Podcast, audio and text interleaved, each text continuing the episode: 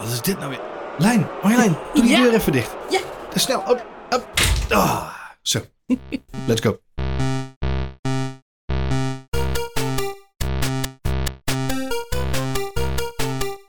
Hey, hallo en leuk dat je luistert naar een nieuwe aflevering van F1 Spoiler Alert. We gaan het hebben over de Grand Prix van Monza in Italië. Het boegeroep kan ons niet deren, want Max Verstappen wint de vijfde Grand Prix op rij, Johan. Ja, Zijn tiende van dit seizoen zo. en is hard op weg, met of zonder safety cars dit keer, om gewoon wereldkampioen te worden. Ja, nou ja, luister, vooropgesteld maar nou, dat boegeroep was niet tegen ons hoor. Nee? Nee, dat was tegen de FIA vanwege die safety car. Maar dat gaat gewoon de hele dag nog door. Nou, dat is op zich ook wel begrijpelijk. Volgens, volgens Mattia Benotto was het eh, geen boegeroep tegen de coureur hoor. Nee, het had echt te maken met die safety car situatie. Iedereen was het zo mee. Oeh. Overigens, ehm, eh, dan maar gelijk even de vraag aan jou. Heb jij nog een, eh, een leuke conspiracy theory gehoord naar aanleiding van gisteren? Want nou, we moeten de, de, de optelsom even afmaken. Daniel Ricciardo Ja. reed ooit voor Red Bull. Ja, ja. Zet nu ineens zijn auto stil. Ja. Nou, wie komt het wel heel goed uit? Ja, je hebt gelijk, Johan. Ja, Ja. daar ga je al. Als Daniel Ricciardo hem niet geparkeerd had, had Charles Leclerc zeker die 15 seconden nog goed gereden in de laatste zes rondjes. Was hem zeker gelukt. Was hem zeker Met gelukt. een raketmotor achterop. God. Nee, ja, goed. Eh, we, gaan het, eh, we gaan het hebben natuurlijk over, over die safety car situatie. Over de eh, ja, moeilijk uit te leggen eh, startgrid voor mensen die de Formule 1 eh, niet zo heel vaak eh, De, de hogere wiskunde. Ja. Ja, het is toch wel een ingewikkeld verhaal aan het worden. Ehm, en we gaan het natuurlijk hebben over Nick de Vries. Want ineens een wonder geschieden. We hadden twee Nederlanders in de Formule 1 rijden. We hebben het daar jaren over gehad. Dat dat misschien tot de mogelijkheden behoort. Ja. Of tot de onmogelijkheden behoort. Want we zijn maar een klein landje. En bescheiden als wij zijn, dachten wij dat gaat nooit gebeuren. Maar het gebeurde dit weekend onverwachts toch. En met ja, hele goede gevolgen eigenlijk. We zijn super, super trots. Ik denk dat eh, Robert Doornbos en Christian Albers eh, met weemoed hebben zitten kijken inderdaad. Ja. Je bedoelt Harold Doornbos, zoals AD hem tegenwoordig noemt. Ehm, ja, nee, daar, daar moeten we het natuurlijk over, eh, over hebben. En misschien ook nog wel even over de pitstopstrategie van eh, Ferrari. Gewoon omdat het eh, leuk is. Oh, terugkerend onderwerp bedoel je. Goed, terugkerend onderwerp. Een soort formatje antwoorden, hè? Ja, precies. Eh, de vloek van Monza moeten we het misschien ook nog even over hebben. Ja. Nee, niet de vloek van Monza. ja, de vloek van Monza. Het nou niet? het ziet er niet goed uit voor Oh, Max oh, Verstappen. oh, oh. Eh, maar goed, misschien heeft Max Verstappen de vloek van Monza al doorbroken. Want het was zijn allereerste podium in Monza. Kun je toch nagaan? Die jongen doet al aardig wat jaartjes aan Formule 1. Eh, maar het was de allereerste keer dat hij op een podium stond. En hij wist hem gelijk te winnen. Wat knap is als je zevende start. Nou ja, dat is eh, Pierre Gasly ook ooit gelukt. Gewoon de eerste keer op een podium en dan gelijk winnen. Dat is waar. Dat is zeker waar.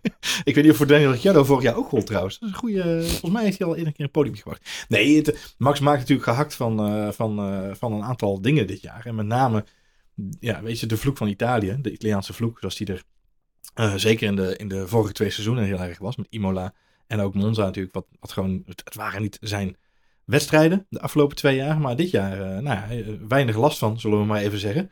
Ehm, en een, ja, een hele gedecideerde overwinning dit weekend natuurlijk. Het is natuurlijk altijd even wennen, vind ik, Monza. Als je net eh, het, het- ja, het, het, het van, van Zandvoort hebt gehad. Of een baantje als Oostenrijk of zo. Het is een hele andere race. Ik moest ook lachen om mijn oudste dochter. Die zei, zo, dat is een makkelijke baan. Ehm, ja, dat, dat, zo ziet hij er wel uit natuurlijk. En ik kan me herinneren vroeger als je Formule 1 spelletjes op de computer speelde. eh, eh, daar ooit mee begon, moet ik zeggen. Want het doen veel mensen natuurlijk nog steeds. Ehm, maar de allereerste computergames die ik speelde van Formule 1, dan begon je met Monza. Eh, want dat was de makkelijkste baan om Ah. op te starten. Veel eh, lange rechte stukken. Ja. Maar wat je nu wel ziet, is dat het zo langzamerhand een beetje een, eh, ja, een expertisebaantje be- begint te worden voor sommige coureurs. Mij viel bijvoorbeeld op dat Daniel Ricciardo er weer erg lekker bij zat. Ja. Vorig jaar natuurlijk winnaar van deze Grand Prix. Pierre Gasly, niet, niet echt een topseizoen, maar deze race ineens weer in de punten. doet lekker mee. Terwijl hij aan het herstellen was van, eh, nou, wat was het, griepverschijnselen, keelontsteking. Ja. Precies, hij was niet helemaal goed te pas. Dus er zijn volgens mij meer coureurs die net als ik heel vaak op Monza hebben gereden. En daar een beetje hun specialiteit van hebben gemaakt. Nou ja, het vergt natuurlijk ook wel enigszins eh, eh, ballen, om heel eerlijk te zijn. Want het is natuurlijk een van de snelste circuits op aarde. Hè? Ja. De Temple of Speed wordt het ook wel genoemd. Ehm, het is veel rechtuit en, en een aantal hele snelle bochten, waar je gewoon ja, je voetje maar minimaal van het gas afhaalt. Dus het vergt wel enigszins skills, zullen we we maar even zeggen. Nou, geldt dat denk ik voor elke Formule 1 baan. Dat, dat daar gelaten. Maar het is, uh, je, en je ziet gewoon toch, uh, ook met de nieuwe asfaltering die natuurlijk nu ook, uh, dat was dit weekend ook nog een dingetje, nieuw asfalt aangelegd. Dus her en der was er wat, uh, wat verschuiving in, uh, in hoe je wat, de race Wat rookontwikkeling op de bandjes. Ja, precies. uh, het zag je ook voornamelijk in de Formule 3 en Formule 2 wedstrijden trouwens. dat was grappig om te zien, want ik zat zaterdagochtend en zondagochtend nog eventjes de Formule 2 en Formule 3 te kijken. Maar daar gingen ze echt wel op één vast plek, één vast plek schoten ze echt door de grindbak in. snelle bocht uitkomende en dan vervolgens net niet die grip hebben die ze de jaren daarvoor daar wel verwacht hadden. ja, dat is dan toch even, even bijschakelen. In de Formule 1 zie je dat dan wat minder voorkomen. Omdat de, heren dan toch wat meer ervaring hebben. En waarschijnlijk ook net iets meer grip en downforce uh, ervaren op zo'n, op zo'n circuit. Maar uh, ook, ik zag onder andere Lance Stroll, ook Sebastian Vettel al een aantal keren toch het achterkantje weg zien breken. Uh, dus ja, het is toch wel een, een, andere ervaring dan ineens zo'n baan.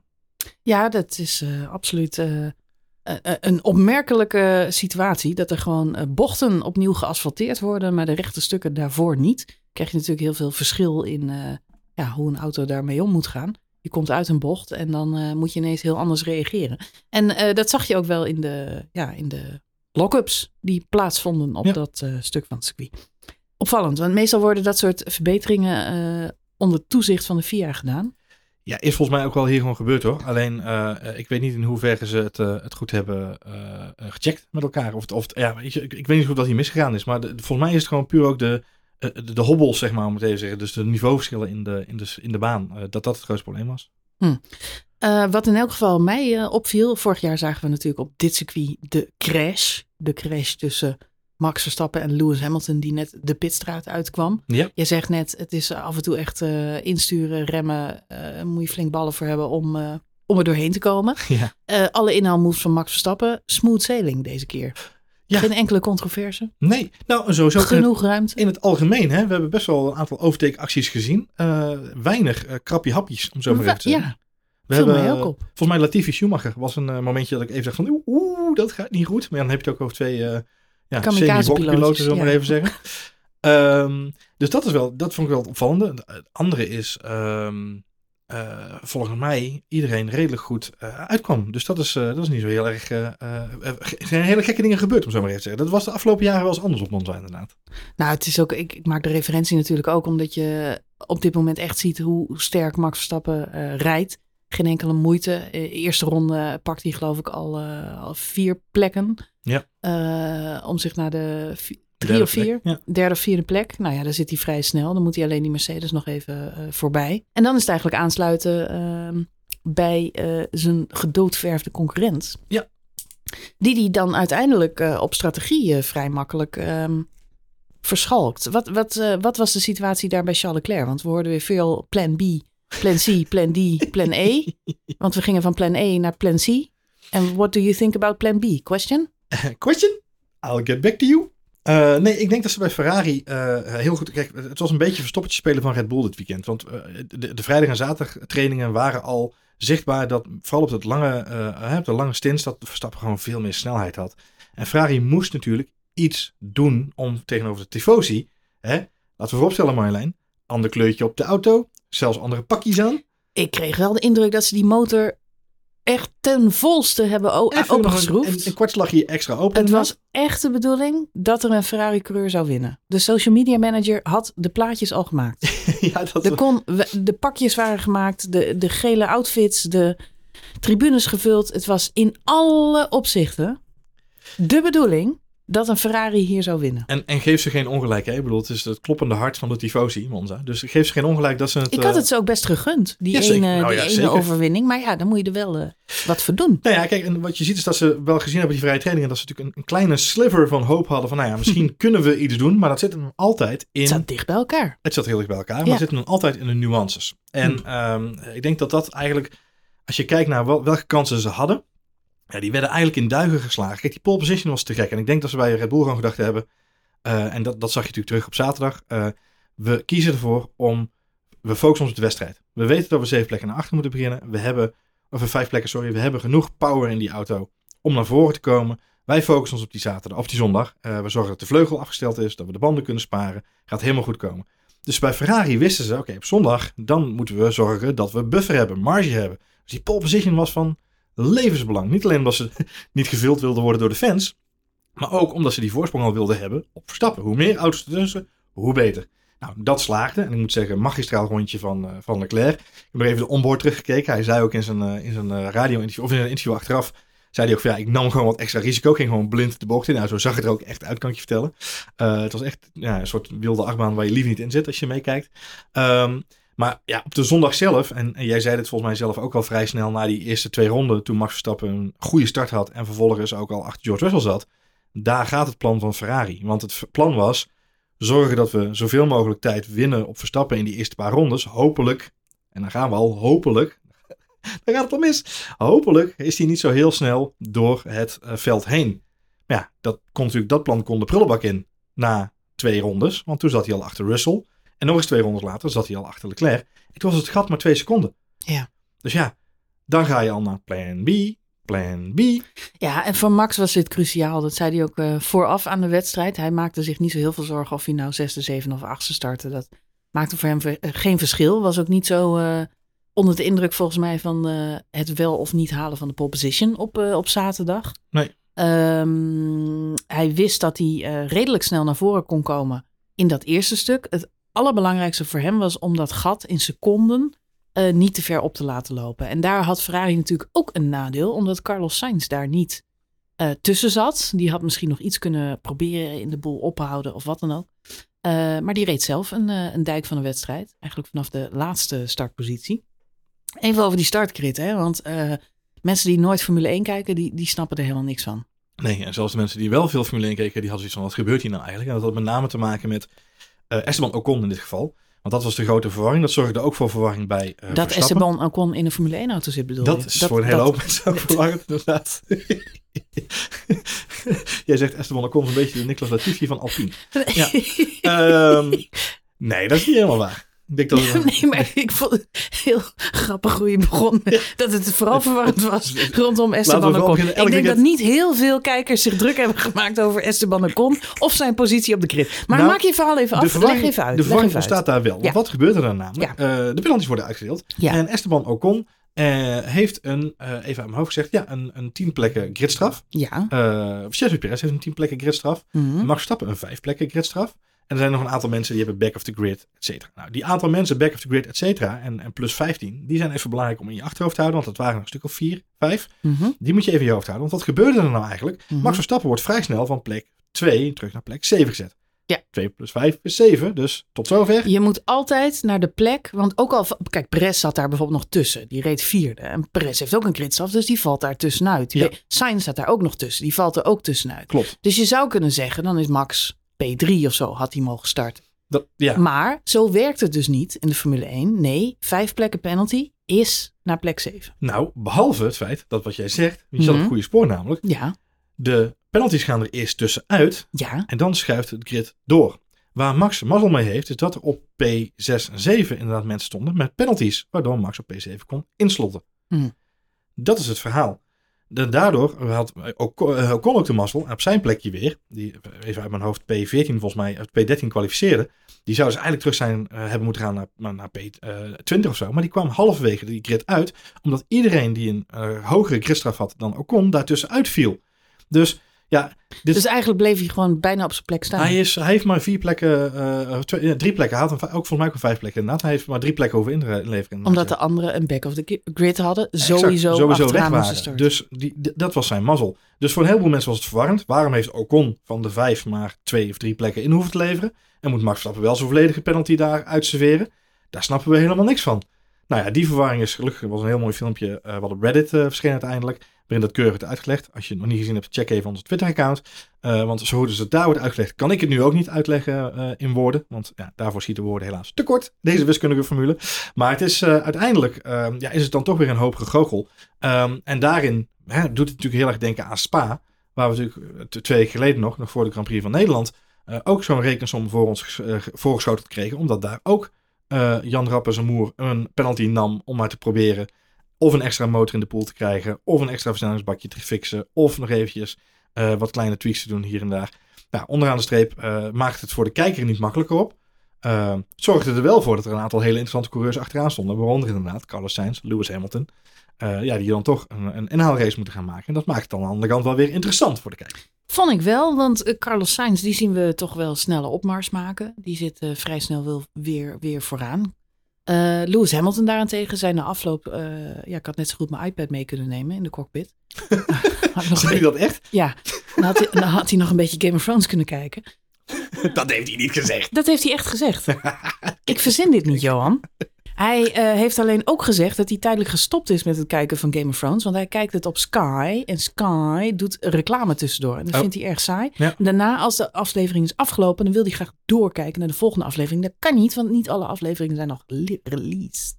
Oké, oh, dat is de nieuwe eh, serie. eh. ja, oh, ja, leuk. ja, ja, Oh. hij is- fan. Kijk, maar. Lewis kan dat kijken bij Sky. Blijkbaar. Nou, In een, Engeland, wat een luxe. Monaco, Amerika, Ja. waar hij woont. Waar, er, waar zijn VPN op staat ingesteld? Ja. Ik- dat zal het wel zijn. Ik heb geen, blijkbaar kijkt hij wel naar de Engelse zenders. verstandig. Ja, maar goed, hij had eh, eh, blijkbaar ook wel in de cockpit eh, wat eh, tv willen kijken. Ja. Omdat hij naar eigen zeggen de hele race zat opgesloten in een DRS-treintje. Ja. En dat, Nou ja, dat is wat jammer. natuurlijk ook zei hè, na afloop van de race. Hij zat gelukkig niet in dat DRS-treintje, want dat wilde hij per se voorkomen. Want als je daar eenmaal in zit, dan heb je een uitdaging op Monza. Eh, dat hebben we gezien eh, in het middenveld, ook in het achterveld. Dat er gewoon een heleboel auto's dan heel lang bij elkaar blijven. Nick de Vries was daar heel blij mee. Gaan we het zo nog even over hebben. Maar Mhm. het stu- zorgt natuurlijk wel voor dat er een soort van eh, ja, interbellum ontstaat in zo'n, in zo'n racepack. Nou, Verstappen was dat slim voor. Ehm, zat daarna vrij snel bij Leclerc in de nek. En ja, dan is de volgende hoop van Ferrari... is we moeten het, strategie, we moeten het anders gaan strategie. oplossen. Ja, Nou, en toen gebeurde er iets interessants, want er kwam een virtual safety car vrij vroeg in de wedstrijd, ronde 12 uit mijn hoofd. ja was, echt, het was Ja. erg eh, vroeg. Ehm, kop van het veld reed op rode banden. Rode banden zijn natuurlijk lekker om, eh, om eh, ja, Vaagt mee te maken. ja, gewoon uit te lopen. Ehm, dan gebeurt er iets aparts, want Charles Leclerc krijgt eigenlijk de vraag: wat gaan we doen? Kunnen we voor optie C, is het Ja. uit mijn hoofd? Kies maar. Ja. Volgens mij gaan Plan ze voor- C confirmed. Ja. Ja. daar gaan ze voor. Dat wordt wel krap, geeft Charles Leclerc dan al aan. Eh, maar ze gaan het toch doen. Ze gaan naar binnen voor gele banden. En dat laatste vind ik opvallend. Want als je in ronde 12 naar binnen gaat voor gele banden, dan ja, zeg je eigenlijk: ik ga sowieso twee keer stoppen. Ja, dat is het frappante eraan. En dat is, we hadden het net al heel even over de afstelling van de Red Bull versus die van Ferrari. Red Bull Mhm. had gewoon een iets grotere vleugel. Zeker voor Monza begrippen hadden ze een iets grotere vleugel meegenomen. En de afstelling van de auto zo gemaakt dat ze de banden beter konden eh nurturen, kunnen, ko- konden eh, controleren. Het stomme ervan is, de Ferrari had dat niet gedaan. Jij zei, jij zei terecht al, het leek erop alsof die motor nog een kwartslagje extra opengedraaid was. Ze hadden voor de snelst mogelijke opstelling gekozen. Op de een of andere manier kiezen ze dan ook nog eens voor om heel vroeg in de wedstrijd te stoppen op mediums. Nou kun je zeggen, ja, de hards twijfelachtig, moeilijk, lastig. En in principe, de degradation was vrij laag. Alle, alle jongens, hè, alle coureurs Mhm. zeiden ook na Het was van, warm. het ja. was warm. Eh, De, de dek viel reuze mee. Dus het was niet zo dat er heel veel gekke dingen gebeurden. Die mediums waren inderdaad heel snel. Dat, dat zagen we ook in de andere, eh, bij de andere coureurs terug. Maar het is wel een opvallende keus. Als je weet dat je auto is afgesteld om snelle banden te verbranden. Dus ja, je kunt wel tegen Charles Leclerc zeggen, ga je gang. Maar de vraag is, antwoordt Charles Leclerc het woord krap. Omdat ze de safety car, hè, de virtual safety car, eindigt op het moment dat ze de pitstraat inrijden. Dat is ook krap. Ja, ik, denk, ik denk krap, omdat hij het dan nog heel lang moet Exact. op een ander setje banden. Dat was mijn gevoel ook. Ik denk dat hij er terecht aangaf. En dit onderstreept voor de zoveelste keer het feit dat de coureurs er beter in zitten. Hè, het lijkt af en toe wel weekend miljonair daar in die auto. Question. Ehm, maar het is, het is oprecht. Volgens mij hebben die coureurs soms een betere understanding van wat er gebeurt in die auto.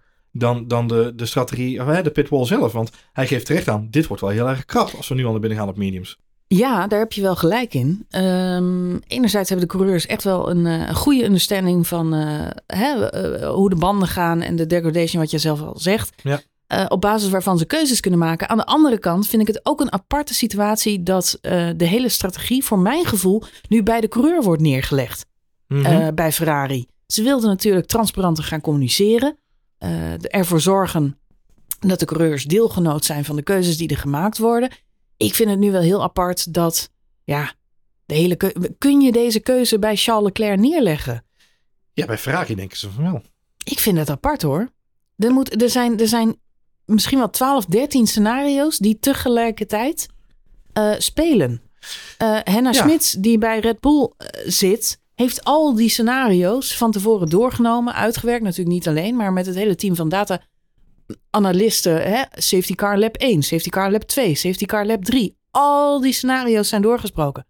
En op het moment dat een situatie zich voordoet, dan is het advies dit.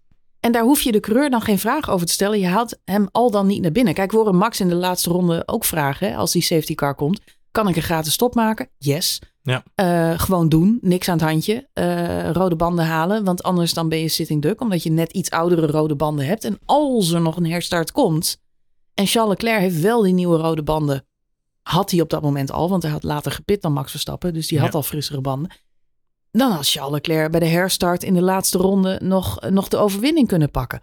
Dus het feit dat ze dan hè, die ruimte hebben voor zo'n pitsel en dat Max daar, Max daar zelf naar informeert, ja, dat vind ik wel logisch ja. dat hij daar even uh, meedoet. Maar goed, als hij niet had gevraagd, was hij alsnog gewoon naar binnen geroepen door zijn team. Ja. Ik vind bij Ferrari leggen ze nu wel heel veel verantwoordelijkheid voor de strategie bij de coureurs. Ja. Ja, je ziet dan nog gewoon dat nu uh, Charles Leclerc komt binnen en dan is die uh, zes ronden in naar binnen dan het originele plan was. Nou, dat zie je ook terug, want Verstappen rijdt uiteindelijk 13 ronden langer door op die mediums. Uh, de keuze die ze hadden moeten maken bij Vrij op dat moment is, het enige wat ze hadden kunnen doen was naar hards gaan. Want dan hadden ze vanaf ronde 12, 13 tot het einde van de race gekund. Nou, dat was in elk geval de logische keuze geweest. Als je na 12 ronden al naar binnen gaat op softs, en uh, Max rijdt er trouwens 25 mee. Dus uh, ze konden echt uh, lang mee. Ja. Um, maar als je na 12 ronden al naar binnen gaat, was dan naar de hards gegaan. Dat is wat Fernando Alonso bijvoorbeeld doet. Wat opviel is dat de hards het eigenlijk ook prima deden op deze baan. Um, het is alsof ze bij Ferrari een beetje bang zijn geworden om de hards eronder te leggen. sinds dat de vorige keer gebeurde. Ja, natuurlijk. Ja. van iedereen kritiek kregen. Dus nu is het credo een beetje, wat we ook doen, geen harde banden.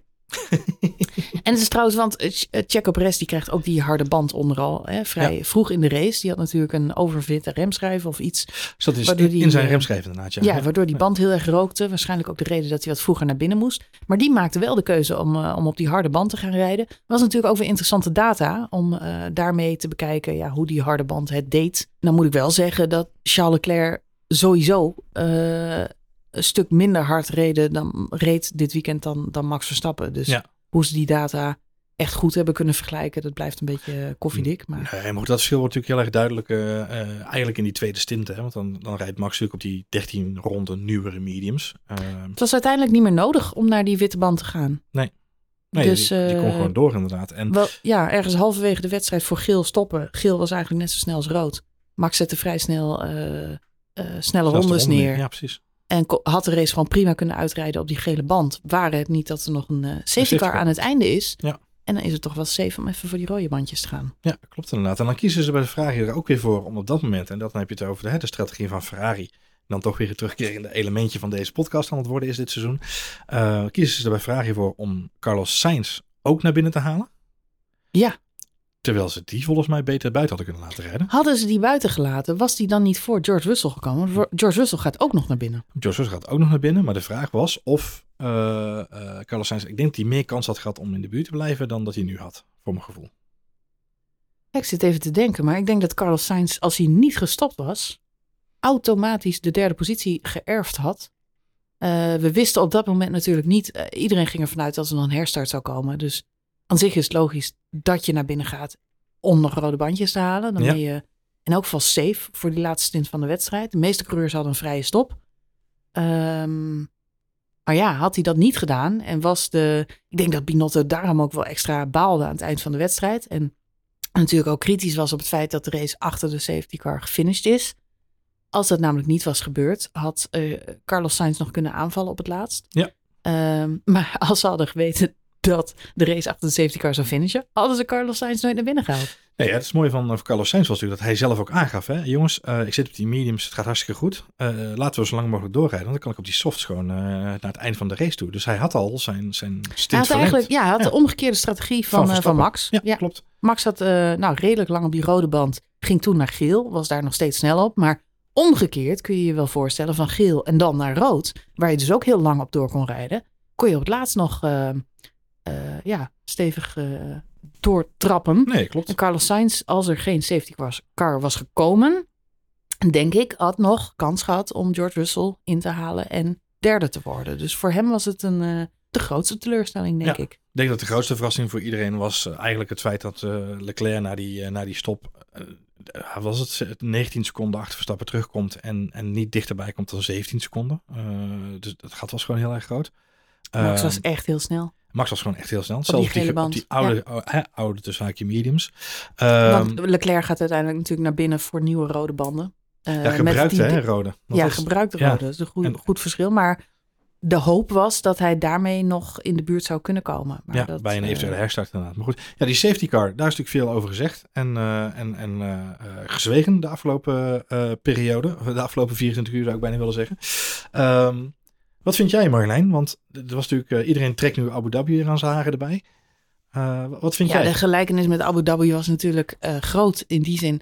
Een safety car aan het eind van de wedstrijd kan ineens de hele volgorde van het veld op zijn kop gooien. Zeker in een race die aan het eind redelijk saai verloopt. En waarbij iedereen achterover leunt en zegt: Nou, dit is een gelopen wedstrijd. Ja. En um, daarin was de gelijkenis groot. Want het verschil, hè, Max Verstappen lag 15 seconden voor op Charles Leclerc. Uh, 15, 16, 17 zelfs. Uh, het verschil was niet zo van die aard dat je dacht dat gaat hij nog goed rijden in, uh, in zes rondjes.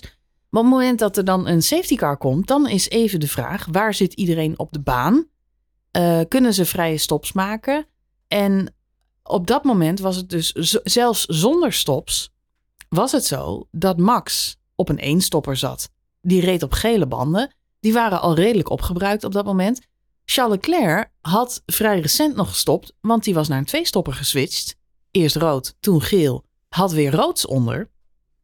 En op die rode band zou je verwachten dat hij wel, hij liep wel iets in op Max Verstappen. Ja. Dus dat zonder, zonder dat er verder nog stops waren gemaakt, als er een herstart was gekomen, had je de situatie gekregen dat Max op gele banden, oude gele banden moest herstarten. Charles Leclerc op net iets jongere rode banden, net iets jonger, redelijk wat jongere rode banden, daarachter had gezeten. Ja, het, het, het was helemaal de vraag geweest, hoe warm hadden ze die banden gehouden achter die safety car? Ja. Um, en, en Charles Leclerc had nog een reële kans gemaakt om met een do-or-die move uh, langs zij te komen. Ja. Ja, dat is dus de vraag, uh, want is de discussie dan gevoerd wordt. Uh, is, is dat dan, eerlijk? Is, is het dan ook niet gewoon een rode vlag onderaan de streep? Bij de situatie, Bij de situatie met uh, Ricciardo. Ricciardo. Ik, vind, ik moet wel eerlijk zeggen, en ik weet niet hoe jij dat ervaren hebt, maar het moment dat die, uh, die bulldozer, die, die, die, die, die steekwagen... Het, het, ja, bulldozer. die McLaren is zo slecht. Rij maar gelijk plat. Nee, precies. Die, die steekwagen daar uh, met zijn grote tractorbanden de baan op komt rijden. Dan denk je wel bij jezelf, waarom gaan hier in hemelsnaam auto's langs? En dat ding rijdt ook gewoon rustig op zijn gemakje in zijn achteruit, terwijl de safety car voorbij komt knallen. Uh, en dat ziet er allemaal redelijk ontspannen uit. Maar die auto's gaan nog steeds gewoon 100 plus kilometer per nou, uur. ik vind dat redelijk verbazingwekkend. Want we hebben met elkaar al jaren geleden afgesproken... dat er geen uh, rijdende voertuigen, forklifttrucks, uh, bulldozers... of takelwagens meer op de baan mogen zijn... als daar ook Formule 1 auto's langs rijden. In elk geval mogen ze niet in beweging zijn. En dat laatste gebeurde wel. Ja. Dit allemaal trouwens naar aanleiding van het dodelijke ongeluk van Jules Bianchi... alweer jaren geleden die per ongeluk tegen zo'n auto aanreed. Dus um, ja, dat, dat is op zich opmerkelijk. Um, echter, volgens de sporting regulations was dit geen rode vlag. Een rode vlag heeft namelijk, uh, ja, mag je alleen uh, uh, voor kiezen op het moment dat er echt onderhoud aan de baan moet gebeuren. Omwille ja. van de veiligheid. Bijvoorbeeld ja. de barriers zijn beschadigd of, hè, dat mm-hmm. moet weer, of er ligt heel veel rotzooi op de baan. Er kan echt niet meer gereden worden. Uh, en dat was hier natuurlijk niet aan de hand. Er stond Nee. gewoon een auto in het gras. Die moest gewoon weggebracht worden. Het enige vervelende was dat op de een of andere manier kreeg ze die auto niet meer in zijn vrij. Normaal Ah. hadden ze hem gewoon achteruit. eh, hadden ze, hè, dan maken ze de boarding een stukje open. En dan wordt hij gewoon Rijden achteruit eh, Ja, daarin precies. gereden. Dat lukte niet. En dat, dat kostte heel veel tijd. Toen moest er een takelwagen komen. En eh, moest hij daar op die manier worden weggereden. Ehm, ja, en wat een safety car dan eigenlijk doet. Dit kan natuurlijk allemaal heel veilig gebeuren. Ik vond het wel opvallend dat die auto, hè, die takelwagen reed op het moment dat de auto's voorbij komen. Want dat lijkt me toch qua, ja, qua inschatting. Die Formule 1 rijdt nog steeds heel snel. Je zag ook zo'n, een van die auto's die was een beetje aan het waaieren op Ja. dat stuk. En die waaide net op tijd eh, terug. eh, terug. Ehm, dus dat is eh, wel opvallend. Ik denk dat ze daar ook wel een, een ja, dat daar over evaluatie ja, een kleine. Ja, evaluatie over dat daar wel over gesproken wordt. Dat echt niet kan. Maar goed, het hele idee van die safety car is natuurlijk dat hij alle auto's opvangt.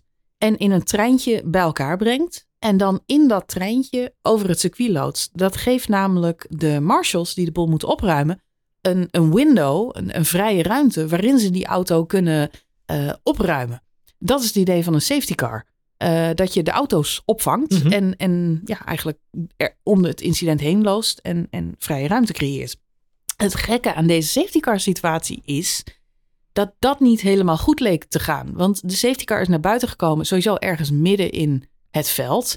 Eh, vaak staat een safety car te wachten, vangt de leider in de wedstrijd op en iedereen daarachter sluit aan. De Ja. achterblijvers die al zijn ingehaald op ronde zijn gezet, zitten daar dan gewoon tussen. Maar in principe vang je de leider op en de rest zit daarachter. Dat gebeurde niet. Een safety car kwam ergens in het midden, want die moest eh, deployed worden. Er werd ook lang gewacht. Ronde 47 viel Ricciardo stil. Ronde 49 kregen we pas een safety car. Dus dat duurde nog best wel eventjes.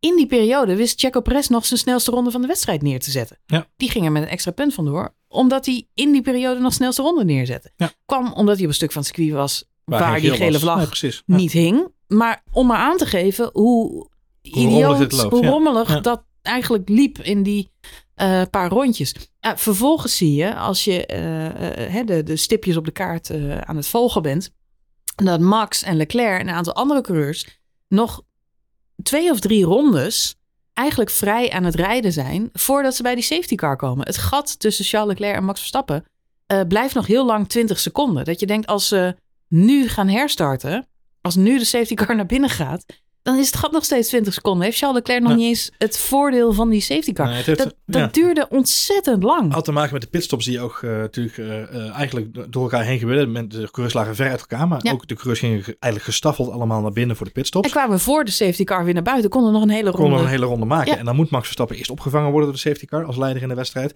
En dan moet daarachter het treintje gevormd worden. Dan moeten alle lapcars er nog tussenuit. Dat gebeurde op zeker momenten. Er Al vrij hoop- vlot moet ik eerlijk Er zeggen. werden een hoop lapcars vooruitgestuurd. Conform de regels, en dat tot grote vreugde van Toto Wolff, gingen alle lapcars er tussenuit. Zo dachten wij.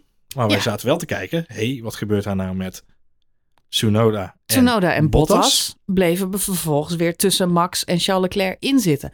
En wat mij verbaast in deze hele situatie, we hebben het hier over zes rondjes. Maar in die zes rondjes is er dus nooit een window gecreëerd, een vrije ruimte, waarin die marshals... Heel eh, snel die auto konden weghalen. Nee, klopt. eh, terwijl dat het hele idee van een safety car is. Dus enerzijds zijn er veel mensen die zeggen, nou, hè, nu liep het echt zoals het in Abu Dhabi had moeten gaan.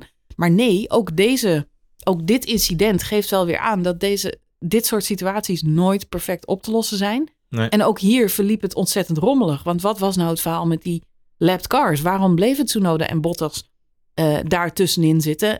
Jij zei eh, tijdens de race al, heeft waarschijnlijk te maken met het feit dat Max ze net op een rondje heeft gezet. Charles Leclerc niet. Dat was mijn Dus- idee ook. Voor de eerlijkheid is het dan logisch dat die twee coureurs er tussenin bleven zitten. Hadden we nog wel een her, hè, was de race nog vijf rondes langer doorgegaan, hadden we een herstart gehad, was het voor Charles Leclerc natuurlijk alsnog heel moeilijk geworden om Max Verstappen nog in te halen in, op dat laatste stuk. Ja, zeker. Omdat hij eerst nog twee cars moest leppen. Exact. Omdat, en omdat Max Verstappen dus intussen ook al gewoon eh, die bandjes onder had liggen weer. Dus die was ook gewoon... eh, en die had nieuwe softs erop liggen. Daarom, dus die was gewoon weggelopen. Dat was ook niet meer spannend geworden. Een ander scenario was nog geweest, wat jij zegt, de rode vlag. Eh, hè, hadden, had er toch een uitzondering gemaakt kunnen worden. De racing directors hebben gezegd, kon niet. Want volgens regels was er geen mandaat om de rode vlag uit te roepen. Nee. Nou, stel je pas de regels aan, krijg je wel een rode vlag. Dan hadden alle teams naar binnen moeten gaan. Dan hadden we voor die laatste zes ronden nog een herstart gekregen. Ja. Het zij een standing start vanaf, eh, vanaf de grid. Ja. Of een rollende vanaf de safety car. Ja. Either which way was spannend geweest. Want als je dan een Lando Norrisje poelt bij de, bij de herstart. Ja, ja, met andere woorden gewoon een shitstart hebt. Ja, Heb dan, eh, dan Ja. heb je pech. Ja. En dan, eh, dan gaat je goede ranking. Nou ja, eens. Nou is het wel zo dat een groot deel van de onvrede die er uit- uiteindelijk ontstaat... en ook een groot deel van de verwarring, misschien ook wel bij fans... maar ook mensen die het hele raceweekend hebben gevolgd... en ik denk dat een aantal van onze luisteraars ook zeker het hele weekend hebben meegekeken... Eh, het was me wel een beetje een zootje vanuit de FIA dit weekend... eh, bij de verschillende raceklasses. De Formule 3 kampioen is uitgeroepen nadat er een rode vlag was in de wedstrijd... en de wedstrijd twee rondes is teruggezet in de tijd... Daardoor wist hij alsnog genoeg punten te halen om zijn Formule 3 titel binnen te harken. Eh, daar werd ook al de Abu Dhabi-vlag ge, Abu Dhabi-vlag gezwaaid. Hij deed een verstappertje. Uh, ja, dat is grappig, want daar riep iemand... Uh, ja, gelukkig niet het Verstappen-scenario, of niet het Hamilton-scenario. Toen dacht ik, nee, nu heb je het Verstappen-scenario. maar los daarvan, een rode vlag is iets anders dan een gele vlag. En een safety car in dit geval, wat natuurlijk in Abu Dhabi het verhaal was. Bij de Formule 2 werden er echt lukraak allerlei straffen uitgedeeld. Waarbij de meest opvallende was er eentje voor Yuri Vips. Die kreeg een 10 seconden stop-and-go penalty voor het aantikken van een, uh, van een collega in een, uh, in, bij een inhaalmanoeuvre. Hij tikte zijn, volgens mij was Liam Lawson, tikte die aan. En die spinde van de baan. dus Lawson achteraan en voor Vips een, een, plekje gewonnen. Maar dat moest hij dan natuurlijk weer opgeven. Normaal gesproken zou je zeggen een 5 of een 10 seconden tijdstraf hè, voor zo'n causing a collision. Maar hij kreeg een 10 seconden stop and go. Dus die moest daadwerkelijk, die jongen die was hartstikke goed bezig met een inhaalrace. Nou, die kon terug naar achteren, want 10 seconden stop and go. Dat is de zwaarste straf. Dat is de zwaarste. De zwaarste die je kunt krijgen. Dus, uh, en daar is dus achteraf door de stewards excuses voor aangeboden, want ze hebben een per ongeluk de verkeerde straf toebedeeld. Ach, deer toch. Nou, dat was een beetje de opmaat naar de Formule 1 race. Dan weet je ongeveer waarom er bij uh, een hoop Formule 1, uh, of racefans in dit geval, uh, er een beetje een irritatie zat als het gaat om, uh, om, de, om de wedstrijdbegeleiding. Uh, nou is natuurlijk bij elke race zijn dat andere stewards volgens mij. maar dan nog is het natuurlijk wel, ja, het, het tekende wel een beetje de, de, de, de scheidsrechters zou ik willen nou zeggen. Ja, het tekent ook dat je het nooit goed kunt doen. Dat is natuurlijk ook zo. Toto Wolf en Hamilton hebben gezegd, dit is eigenlijk hoe het hoort in een onveilige situatie en uh, als er niks meer, ja, time is running out, dan is de enige optie om gewoon de race te finishen achter de safety car. Ik moet wel zeggen dat door mijn hoofd schoot, ja, als er dan niks anders meer mogelijk is, hè, en als de rollen zijn omgekeerd, zoals nu met, uh, met Max Verstappen, dan, uh, dan denk je wel bij jezelf, ja, misschien is dat ook maar de meest logische optie om op deze manier te finishen. Aan de andere kant blijft het wel bij me knagen dat een een, een finish of een, hè, dat, het gevecht aan het einde wordt je door de neus geboord. Ja. Um, en dat is voor de fans die langs de baan zitten niet leuk. En, nee. Maar ook voor de fans thuis. Maar laten we wel, laten het is we een beetje anticlimax. Laten we wel eerlijk wezen. Uh, er was nog één gevecht wat er nog toe deed op de baan. Wat dan nog enigszins interessant was voor de fans. En dat was Carlos Sainz en George Russell. Daar kan ik me dan wel in vinden. Uh, de vergelijking met Abu Dhabi in dat geval uh, was er natuurlijk nog één gevecht. Maar dat was eigenlijk geen gevecht meer op dat moment. Dus Uh, ik snap het en ik snap ook wel de, de afweging, maar feitelijk, en, en dat is dan wel uh, uh, hoe het is. Je kunt nogmaals dingen lopen zoals ze lopen, dus je kunt het ook niet veranderen. Maar zoals afgelopen weekend is een anticlimax, absoluut.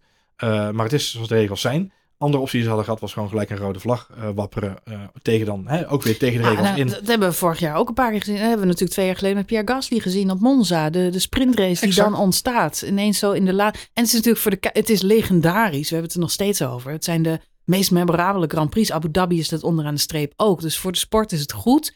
Ja, is het helemaal eerlijk? Uh, uh, vorig jaar bij Abu Dhabi hebben we het te lang over gehad. Dit is motorsport. Dit is hoe het werkt. Er gaat een auto stuk. We zagen het vorige week in Zandvoort ook nog. Uh, Bottas gaat stuk op het rechte stuk. Dan krijg je gewoon een safety car. Ja. En da daar moet je mee dealen. En dat kan gigantisch slecht voor je uitpakken. Maar ja, zo, zo is Formule 1 ook al decennia lang. En soms is dat heel uh, pijnlijk. Nou ja, kijk, onderaan de streep uh, is het niet zo heel erg verbazingwekkend dat je het niet goed genoeg kunt doen volgens uh, 20 coureurs, 10 teams en 200 miljoen fans wereldwijd. Dat, je kunt het nooit goed. Een van de opties, nee, dat klopt. Een van de opties die ik nog hoorde is op de een of andere manier, onder, als er onder safety car het einde van de wedstrijd valt, dat je de wedstrijd nog een paar rondes verlengt. Ja. Zodat je toch nog tot een herstart uh, komt. Ja. Echter, wat dan wel problematisch is, is natuurlijk het, uh, de brandstof. Ja, ik zeggen, dan moet je het tank, tanken weer herintroduceren. Ja. Precies, de, de brandstof die coureurs aan boord moeten mogen hebben, die worden natuurlijk echt op... De milliliter. Ja, ja, die worden echt afgetankt op, op, op het aantal rondjes wat ze, wat ze moeten gaan rijden. Maar goed, dat zou je dan eventueel wat omhoog kunnen brengen. Dat je zegt, je moet altijd voor vijf rondjes reserve bij je hebben. Dan is iedereen wat zwaarder. Dan is het ook wat eerlijk. Ja. Wel eerlijk. Ja? ja, ja. ja. Nee? nee? We zijn het nog niet over nee. eens, hè? Ik vind het allemaal gemaakt. Ja, het is, ja nogmaals, uh, het, is, het is wat het is. Coureurs mogen gewoon niet meer stilvallen. Soms heb je ook wel eens een wedstrijdje wat gewoon uh, in een bloedeloze 0-0 eindigt bij het voetballen. Of je hebt een... Uh, ja. ja, goed. Als er maar geen wereldkampioenschappen op beslist worden. Want dat is natuurlijk het Ja, maar dat kan ook gebeuren. Dat kun je niet, dat kun je niet voorkomen. 2012 nee. eindigde ook achter een safety car in Brazilië. Ja. Was, werd ook een wereldkampioenschap beslist achter een safety car. Ja. Alleen toen was er nog geen Twitter die zich daar heel erg boos over maakte. Maar dat was het toen ook wel misschien trouwens. Dat weet ik eigenlijk niet. Nee, dat is uh, absoluut waar. Ik was in ieder geval nog niet. Ik was geen Formule 1 twitteraar in die tijd, laat ik het zo zeggen. Nee, nee, dat uh, ik ook niet. Goed, um, wat ook uh, vaker is gebeurd in de Formule 1, even een historisch feitje, dat is dat coureurs te maken krijgen met een acute blinde darmontsteking. en daarvovoor geopereerd moeten worden. Welke coureur heeft dat eerder ooit meegemaakt, Johan Voets? Nou, Voor een dat is triviantje. Nigel Mansell geweest. Nee. Oh, sorry. Het was wel een McLaren-coureur. Oh. Het was eh Mika Hakkinen. Ach, Mika. Mika, in 1995 miste hij een Grand Prix door een acute blinde darmontsteking, waarvoor hij geopereerd moest worden. En wie verving hem die Grand Prix? Het was in Japan. Het was niet Suzuka, het was het circuit van Aida. Maar dat is niet Sato geweest, toch? Nee, Nee, dat kan helemaal niet. nee. Nee. Het is wel een bekende naam in de Formule 1. Omdat jij zei Japan, als ik een beetje ging aan Japanse coureurs denk. Je zit me voor de gek te houden, kan. Nee, helemaal niet. Helemaal niet. Vertel. Het was Jan Magnussen, Oh, joh. de vader van Da- da- Daddy Magnussen. Ja. Daddy Magnussen. Destijds een 22-jarige rookie. Hij is jong vader geworden, want hij is ook pas 49. En Kevin is natuurlijk al eh, 30 of zo. Dus eh, ik zit nu even de optelsom te maken. Hij is echt jong Hij vader is heel geworden. vader geworden. Hij jongen. was 12. Nee, Jan Magnussen. is in, Kevin ehm, Magnussen wel echt de zoon van Jan Magnussen? Nou, sterker nog, Kevin was dus al geboren toen hij zijn debuut maakte. Want in. Kevin is van 92. En in 95 maakte Jan zijn Grand Prix tijdens de AIDA Grand Prix. Eh, en dat was tevens eh, de race waarin eh, Michael Schumacher zijn tweede wereldtitel pakte. Met Nou, was. Jan, was Jan toch mooi bij? Daar was Jan mooi bij. Nou goed, om in die historische voetsporen te, te treden. Leuk, voetsporen. Ja, voetsporen. ja. Dat was ja, Albon dit weekend, want die had ook ineens een acute blinde darm. Ja. Moest ook geopereerd worden. Betekent wel dat hij voor de volgende race een kilootje of eh, misschien iets minder lichter is. Jij denkt dat er even... Ik weet niet wat een blinde darm weegt, Johan. Maar het scheelt al licht in de ballast die je meeneemt. Nou ja, Dus eh, dat eh on the positive side. En er was nog een positive side. Het was namelijk dat wij een nieuwe Nederlander in de Formule 1 mochten verwelkomen. Nick de Vries. Ja. Werd ons op zaterdagochtend duidelijk dat hij het hele weekend zou gaan rijden. Hij was al ja, genoteerd voor de vrije training. Had hij ook gedaan op vrijdag. Ja. En zaterdag werd bekend dat hij het hele weekend zou gaan rijden. Ja. Zaterdagnacht sliep hij niet, Nee. vertelde hij na afloop. ik denk wel dat hij blij is geweest dat het bij Williams was. Want hij had natuurlijk eh, de test eh, bij Aston Martin gehad.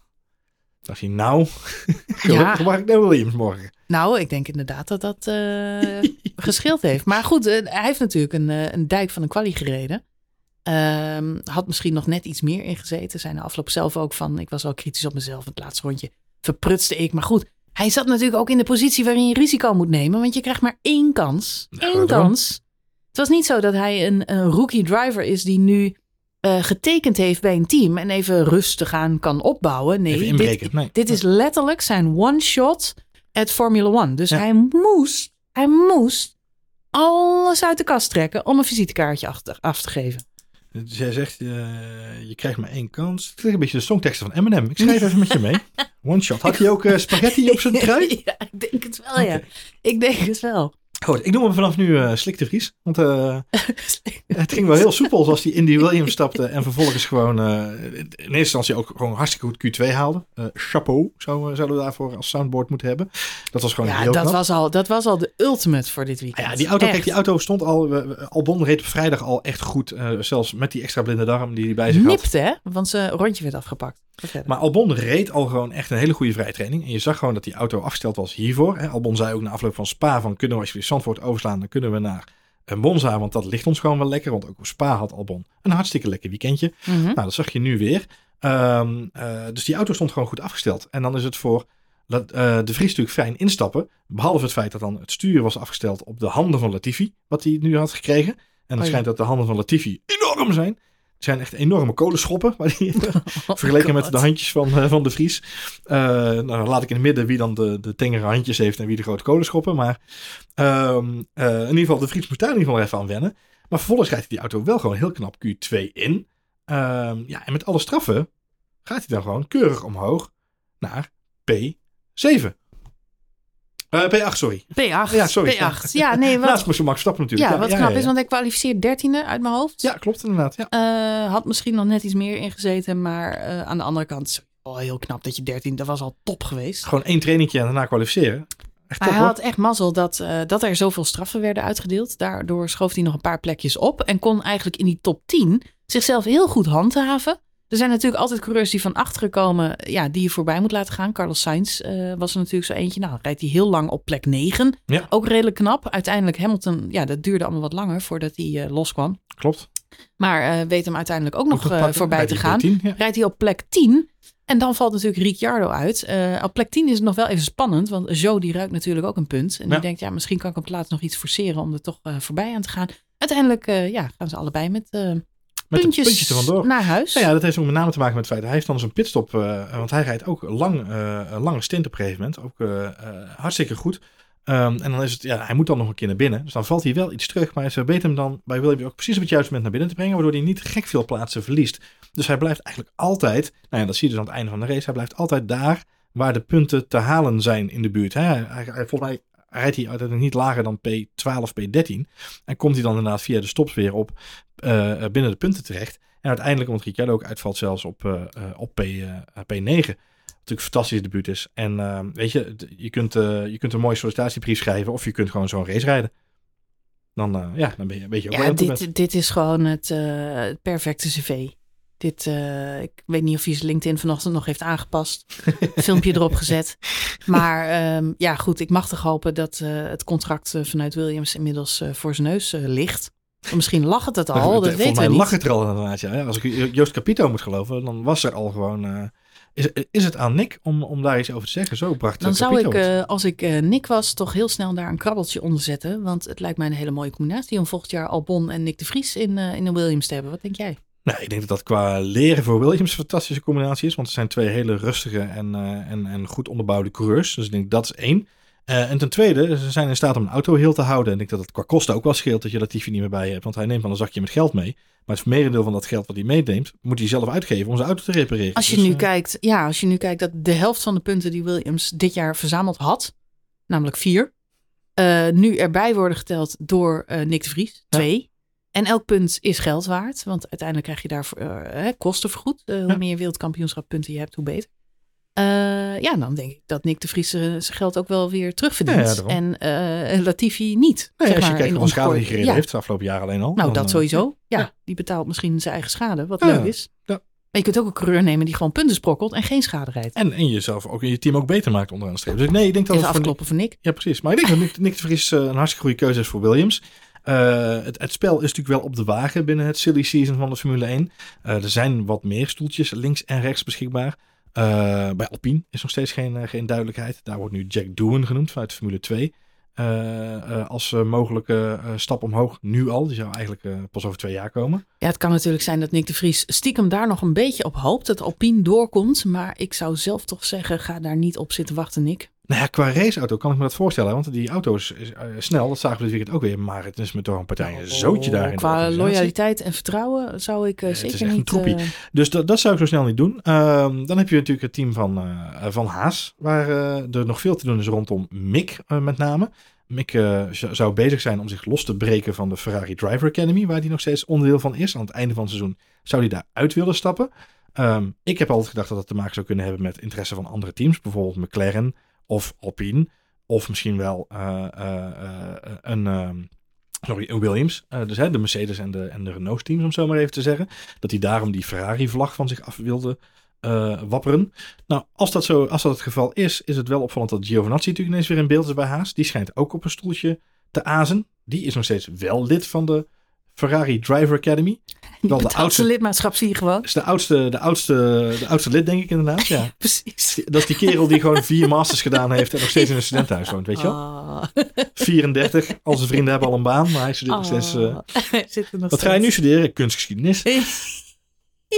Ehm, nou ja, goed. Eh, dus dat doet. eh, daar heeft dus wel zijn haar afgeschoren, dus dat scheelt. Hij is bijna Ah. klaar voor een echte baan. Ehm, dus dat is dat. Eh, maar goed, Giovinazzi zou bij Haas dan nog wel in beeld zijn, eventueel. Maar daar, daar wappert natuurlijk ook de naam van Daniel Ricciardo rond.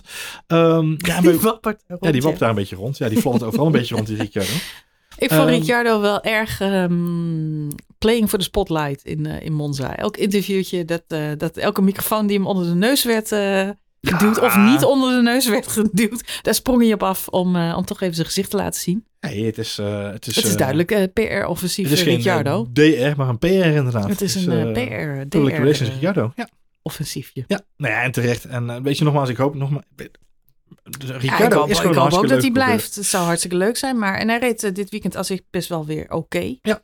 Maar laten we vooral hopen dat eh, Nick de Vries met een mooie pompenbladen achter op zijn, eh, op zijn helm. Dat hij, Mhm. eh, als ik het goed uitspreek, sorry voor onze Friese luisteraars. Je hebt geen Friese route, hè? Nee, nee, Nee. nee, dat ken, kende wel horen, toch? nee. Maar eh, eh, nee, eh, eh, laten we hopen dat, eh, dat, eh, dat hij eh, een plekje in de Formule 1 weet af te dwingen hiermee. Laten we vo- vooral eh, vaststellen dat dit het ultieme visitekaartje was. Hij Ehm, verdient het absoluut. En eh, de, alle eh, eh, felicitaties uit alle hoeken. eh, van Max, van eh Lewis, van eh, alle internationale journalisten en media. Want iedereen is lyrisch over Nick de Vries. Eh, Driver of the Day, dus ook de fans eh, hebben massaal voor hem gestemd. Blijkbaar eh, ja, veel lof. En ook mensen die gewoon het leuk vinden om weer een nieuw gezicht in de Formule 1 te zien. Wat meteen zo'n zo'n stempel drukt. Komt natuurlijk een beetje voort uit het feit dat Nick natuurlijk nog een heel social media team om zich heen heeft. Want toen hij natuurlijk in de Formule E reed, dan heb je die, die fanboost. Hè? Dan kun je natuurlijk extra, extra Ja, ja oplaadperiode zeker. krijgen. Ja. Als je populaire stemmen krijgt. Dus misschien heeft hij zo'n social media team gewoon gezegd, jongens, ik krijg een fanboost als ik... eh, Nou, het Nou, is ook. Ik, vind, ja. ik, ik zou hem ook heel graag naast Albon zien. Want ik vind het Ja, af- allebei toch wel hele sympathieke eh, figuren. Ik heb ook wel genoten, toch een beetje van. eh, ja, zijn verlegenheid bijna een beetje. Zijn. hij was ook. bescheidenheid. Zijn bescheidenheid, dat Ja. is het woord wat ik zocht. Toch hoe overdonderd hij toch wel was van alle positieve aandacht die hij kreeg. Kon zien dat dat eh, oprecht was. En eh, ja, dat gun ik hem heel erg. Ik zag hem vorige week lopen op de, op de parkeerplaats toen ik Ja. eh, naar huis liep. Had maar een foto gemaakt van de had maar een future foto F- gemaakt. van de future ik dacht, F1 oh, dat is Nick de. Vries, dus Formule 1 coureur. Maar ja, een week later, how the tables have turned. Nou, de turntables have turned. Goed, we gaan Monza achter ons laten. Dag, Monda. Dag, Monza. Ciao. Eh, ciao, ciao, ciao. Ehm, en we gaan door naar Singapore. Daar moeten we wel even op wachten. Dat is pas in het weekend van eh, 30 september tot en met 2 oktober. Ehm, het wordt eh, best interessant wat daar gaat gebeuren. Er was natuurlijk sprake van dat Max Verstappen daar al zijn titel zou kunnen pakken. Ik denk dat dat moeilijk wordt, omdat Charles Leclerc natuurlijk tweede werd afgelopen race. Ja. En keurig nog zijn puntjes meepakte. En Perez finishte ook nog redelijk hoog. Dus of het daar in Singapore gaat gebeuren, daar, eh, daar twijfel ik wel wat aan. Eh, er zijn wel wat andere records die eh, Max daar, ehm, of liever gezegd, waar hij nog aan kan werken. Je moet toch, als je die wereldtitel eenmaal binnen hebt, misschien nog wat andere ehm, ja, targets hebben, personal records, dus, hè? die je Ja, misschien nog Even de kunt, KPI's bij te poetsen. Even de KPI's bijpoetsen. Ehm, er zijn namelijk een paar leuke records die hij nog mee kan pikken dit seizoen. En er is namelijk een record meeste gewonnen races in een Formule 1 seizoen. Schumacher won er 13 uit de 18 in 2004. Natuurlijk de dominante jaren van Michael Schumacher bij Ferrari. Ja. En Vettel heeft hetzelfde record. Die won er ook 13. Dat was in 2013. Dat was zijn meest oppermachtige jaar in, destijds bij Red Bull. Max heeft er nu 10.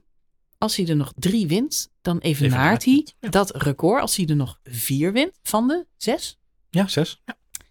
Vier van de zes, Max. En dan, eh, ja, dan schrijf je Vettel en Schumacher uit de boeken. En dat zijn toch niet eh, de minste. Er is ook nog een ander record op naam van Vettel. Hij heeft er best wel veel trouwens. Hij won er negen op rij in 2013. Dat was echt een heel saai Formule 1 seizoen. Ehm, dat kan Max nu ook gaan doen, want hij heeft er nu vijf op rij. Uit mijn hoofd. Ja, vijf prijs. Ja. Dus, ja. Dus eh, dat is ook een, eh, een record wat nog zou kunnen. Vettel won in 2013 ook het kampioenschap met 155 punten voorsprong. Max heeft er nu Mina. 116. Dus als eh, Ferrari nog één of twee keer uitvalt, en Perez dan ook natuurlijk, of, of laag finisht, dan zou zoiets nog mogelijk zijn. Ik denk niet dat dat per se nodig is hoor, maar Nee. het is toch wel grappig dat dit soort onmogelijke records van Vettel eh, toch een beetje in de buurt lijken te komen. Hij kan trouwens ook ehm, eh, wereldkampioen worden als één na vroegste coureur ooit. Zo. Eh, en dan denk je, oh, dat zal ook wel Vettel geweest zijn, die, en, die als eerste, of die heel vroeg wereldkampioen werd. Nee. Maar dat is niet zo. Nee. Ehm, de twee na vroegste coureur, of nee, sorry, ja, dan moet ik zeggen, die die gaat inhalen dat als hij volgende race kampioen wordt, staat hij gelijk met Nigel Mansell. Ja. Nigel Mansell won namelijk vijf ronden voor het einde van het seizoen al het kampioenschap. Ja. Ehm, het record van Michael Schumacher gaat hij niet meer redden. Oké. Michael Schumacher werd in 2002 wereldkampioen. Ja. Dat was in juli, Johan Voets. In juli. Op het circuit van Francorchamps. Om even aan te geven hoe bedroevend sommige Formule 1 jaren Zijn geweest. zijn ja. geweest. Ja, ja. En toch kijken wij op dit moment niet naar een heel saai seizoen, heb ik het gevoel. Ehm, nee, Ondanks dat de voorsprong zo groot is. eh, mensen zeggen dat inderdaad. En ik vind het wel grappig dat mensen nu klagen over dat het een heel saai seizoen is. En dan denk ik, waar waren jullie in de hybride tijdperk? De afgelopen eh, 2014 tot zeg maar afgelopen seizoen.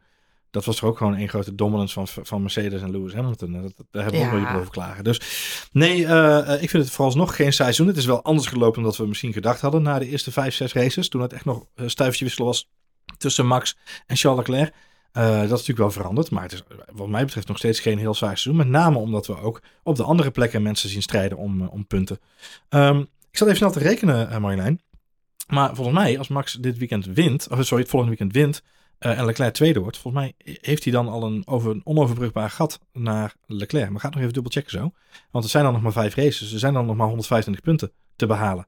Dus zelfs al zou Max al die races uitvallen en Leclerc alles winnen, dan eh, even nog even de snelste ronde dagen later. Daarom moet ik het even herberekenen. Maar volgens mij is dan het gat al te groot als hij, als hij de race wint. Maar ga ik Hmm. even dubbel checken voor je.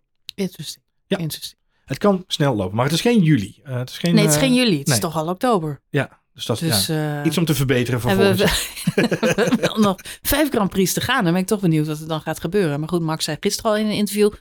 ik wil ze gewoon allemaal winnen. Misschien moeten we een eh, persbericht de wereld insturen dat Robert Doornbos eh, gaat rijden voor Max Verstappen de laatste vijf races. Ja. Je bedoelt Harald. Harold Doornbos, ja. Goed, we gaan ons opmaken voor Singapore. We hebben wel even pauze na deze triple header. Dat is ook wel even fijn. Even, Even op tussendoor. adem komen. Even Ja. op adem komen. 30 september, dan begint het raceweekend weer.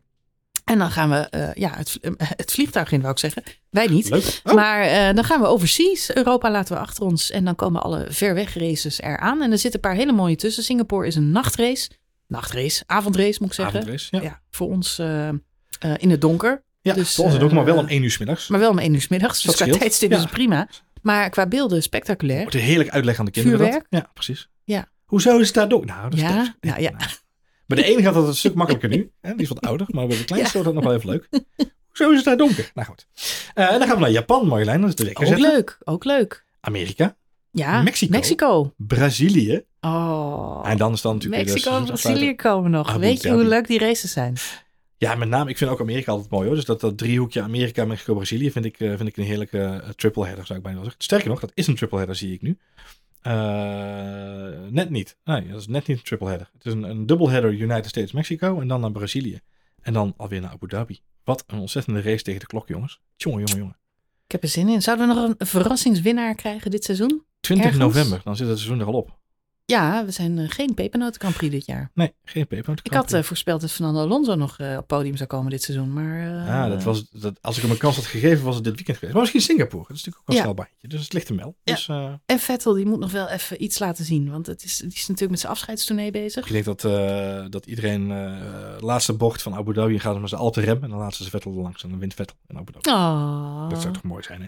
Dat, zou zou toch mooi zijn. Goed, heel erg bedankt voor het luisteren. Je mag zoals altijd reser- reser- re- re- Je reserveren voor Je de mag volgende reserveren voor de volgende podcast. Dat mag ook. Je mag ook reageren op deze podcast. Of vragen stellen voor de volgende podcast. Of gewoon leuke dingen delen. Of een leuke rating achterlaten. Dat vind ik ook altijd leuk. Ja, Ja. dat mag ook En volgens mij altijd. Apple Podcast. Spotify kun je tegenwoordig ook sterretjes geven. Dus laat een rating achter. Dan Oh, vinden leuk. we weer nieuwe fans. Dat vind Oh, ik dat altijd is gezellig. Eh, dus dat kan op Spotify, waar onze podcast ook eh, te vinden Ja, is Apple natuurlijk. Podcast. Dat kan op Apple Podcasts. Google Podcast. Je kunt ook eh, mee lullen over Formule 1 en allerlei Rand voor zaken daaromheen. nieuws en linkjes met Ja. elkaar delen in onze Telegram-app, eh, chat. En gewoon spoiler alert chat. We hebben een eh, Instagram-account en een Twitter-account. F1 Spoiler Alert. Volg ons. Dan ben je altijd op de hoogte van de nieuwste uitzendingen. Gezellig. Ja. En mocht je iets tegen mij willen zeggen, dan kan dat naar Ed Marjolein met een lange ei. Ja, of uh, Ed Johan Voets met een lange oe. Nou, dan zijn we eruit voor vandaag. Super. Hey, dank voor het luisteren en tot de volgende F1 Spoiler Alert.